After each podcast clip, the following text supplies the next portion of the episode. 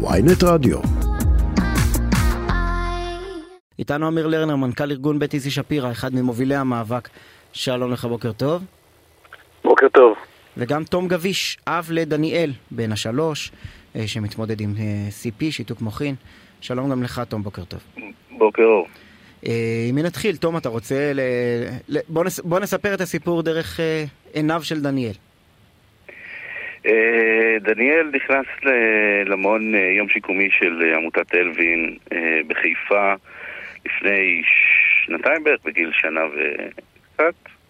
אחרי המון המון המון לבטים שלי ושל אמו, שמתמודדים כל הורים אה, לילדים מיוחדים, מה לעשות, איך לעשות, כמה לעשות, ואני יכול להגיד, זו אחת הבחירות הכי נכונות שעשינו, כי קיבלו אותנו צוות של אה, מטפלות מדהימות, שסייעו לנו לעבור אה, אה, ולהתמודד עם התהליך הזה בצורה פנומנלית. אה, והעניקו לדניאל חום ואהבה שאין שני לו, מה שמאפשר לו שדניאל מתמודד עם, עם שיתוק מוחין מורכב, הוא אה, עם פגיעה בארבע גפיים, mm-hmm. אה, כלומר הוא תלוי המון במטפלות שלו, והן מעניקות לו שם אפשרות להשתלב ולשחק עם ילדים, הולכים, עם, אה, אה, בעצם ליהנות מה, מהגיל הזה שהוא כל כך חשוב, ולהתפתח ו, ולגדול ולצמוח. כמה אה, אנשים ביום יום עוטפים את דניאל בתוך ה... מעון של אלווין. מלבד גננת uh, מובילה, יש, uh, uh, אם אני לא טועה, בין ארבע לחמש סייעות שהן בתוך, uh, בתוך אותה כיתה. Mm-hmm. וחוץ מזה יש צוות פארה-רפואי שמלווה, אם זה פיזיותרפיסטי, עוד uh, קלינאיות תקשורת, מרפאות בעיסוק. יש אחות במעון, תזונאית, זה צוות מדהים ו- ועצום שבעצם מעניק לדניאל ול- ולחברים והחברות שלו את כל מה שהם צריכים בשביל להיות מסוגלים אה, אה, ליהנות מהגיל הזה, קודם כל, עם ילדים, וגם להתפתח ולהתקדם אה, למרות המגבלה. כן. אם, דיברנו, אם דיברנו על חשיבות החינוך באופן כללי, מגיל 0 עד 3 בחינוך המיוחד, זה על אחת כמה וכמה, נכון. התקופה הקריטית. אה, אה, מה שנקרא. ו- אני יכול ו- להגיד לכם שה- שההתקדמות של דניאל מפעימה אותנו כל פעם מחדש. ואני אני רוצה לנצל את הבמה ולהגיד המון המון תודה לצוות. ואני בטוח שאני מדבר בשם כל הורה לילד במסגרות אה, של הילדים המיוחדים. זה מרגש לשמוע, וזה מה שגם מאכזב, אה, ואנחנו איתך עמית לרנר, העובדה שכאשר נחתם הסכם השכר, בעצם לא כוללים את האנשים שעובדים בעבודה הכל כך חשובה הזו. לגמרי, לא רק בהסכם שכר, גם אתמול בלילה לא שמענו שום אזכור לסייעות של מעונות היום השיקומיים.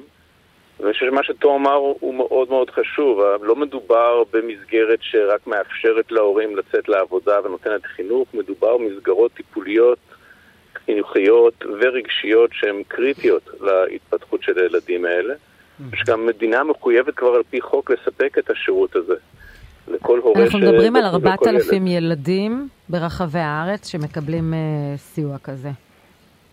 לגמרי, 4,000 ילדים, מעסיקים כ-2,000 סייעות.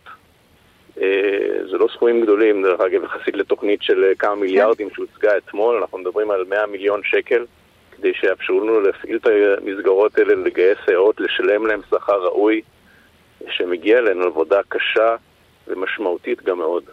מה המשמעות של זה, שאם לא תקבלו את התוספת הזו? המשמעות היא לא אם לא נקבל, המשמעות היא כבר היום כשלא קיבלנו. אה, כבר היום יש אה, כיתות ריקות כי אין אה, צוות, כי אנחנו לא מצליחים לגייס צוות כל יום. עוזבות סייעות, עוברות את הכביש ומקבלות שכר של 20% יותר ממה שאנחנו מתוקצבים עליו לשלם לסייעות. שזה בדיוק אותה מצוקה שדיברו עליה בוויצו, נכון? לגמרי, התחרות מול הסייעות של גן רגיל. המדינה יצרה תחרות בין מסגרות שהיא מפעילה, כן. רגע, וברמה הבירוקרטית, איזה משרד ממשלתי מפעיל אתכם? משרד הרווחה. משרד הרווחה ולא החינוך. ולא החינוך, המעונות יום שיקומיים נשארו תחת אחריות משרד הרווחה, ולכן אנחנו פונים אליהם להגדלת התקציב עכשיו, אליהם. עכשיו, איך קרה שנשארתם מחוץ להסכם השכר? ההסתדרות גם לא חשבה עליכם? זה צריך לשאול את ההסתדרות, את משרד האוצר, אה, את משרד הרווחה. אנחנו מוכרים, אנחנו גם נמצאים בשיח מתמיד עם כל הגורמים הרלוונטיים. אנחנו מקבלים הרבה מאוד הבנה ואמפתיה, אנחנו יודעים שמתקיימים דיונים. לא, לכן חשבתי שאולי אתה יודע להסביר, מה קרה שם? פשוט לא לקחו אותנו בחשבון. כמו שלא לקחו הרבה גופים אחרים שאתם מדברים ומראיינים אותם. מראיינים אותם. רק שאצלנו זה באמת שירות קריטי כן. ש... שהמדינה מחויבת אליו. ו... ואיפה זה עומד? זה, זאת אומרת, פניתם אליהם? הצגתם את זה? אנשי משרד הרווחה, מה אומרים? אני חושב שכולם מסכימים איתנו, כולם מסכימים שצריך למצוא פתרון, רק שאף אחד אה, עוד לא מצא את הדרך לבוא ולעשות את זה. אני חושב אה, שקשה לגייס, לגייס סייעות עם אמפתיה, צריך כסף. לגמרי, לגמרי. תן לנו אה, סדר גודל. אה, אין לנו אלטרנטיבה להורים. כן, כן נכון. אין לנו מקום אחר ללכת אליו. לא, לא, זה לא משהו שנתון לנו לבחירה. תום, אתם... לא, אם זה לא קיים, הילד נשאר בבית. אין מסגרת אחרת שיודעת להכיל אותו. כלומר, אם לא תהיינה מטפלות, אז למעשה לרוב ההורים המשמעות... וגם היום יש רשימות המתנה, כלומר, אנחנו חיכינו איזה חצי שנה עד שדניאל נכנס למעון, כדי שיתפנה מקום. אמיר, אה, כשתום מתאר את הטיפול הכל כך אה, מסור ועוטף ש, שדניאל מקבל, כמה, אם מותר לשאול, מהי משכורת של אדם שעובד אה, ובאמת נותן טיפול אה, סביב השעון אה, ל, לילד אה, עם צרכים מיוחדים? מטפלת מתחילה, סייעת מתחילה, תקבל משכורת כיום של 5,500 6,000 שקל לחודש. אה, ושוב, לפי ההסכמים החדשים אנחנו מדברים על 8,000, ואני רוצה להדגיש שההסכם החדש הוא הסכם ראוי וטוב, מגיע לסייעות את השכר הזה. אתה אומר הסכמים החדשים, אבל אלו שאתם לא נכללים בהם. נכון, לגמרי. כלומר, נכון. אתם בסך הכל רוצים שמאותם 5,000, 5,500 שקלים, כפי שיקבלו הסייעות האחרות, יעלו את זה ל-8,000 שקלים, ויהיה לכם קל יותר להביא עוד עובדות. עובדים. נוכל להביא עובדות. אה, אנחנו מקום עבודה טוב, סייעות אה, מרגישות משמעות רבה, ובתוך העבודה במעונות המשוקמים עושות עבודה מאוד חשובה. אם נוכל להציע שכר ראוי, יהיו לנו את הסייעות, נוכל להפעיל את המסגרות.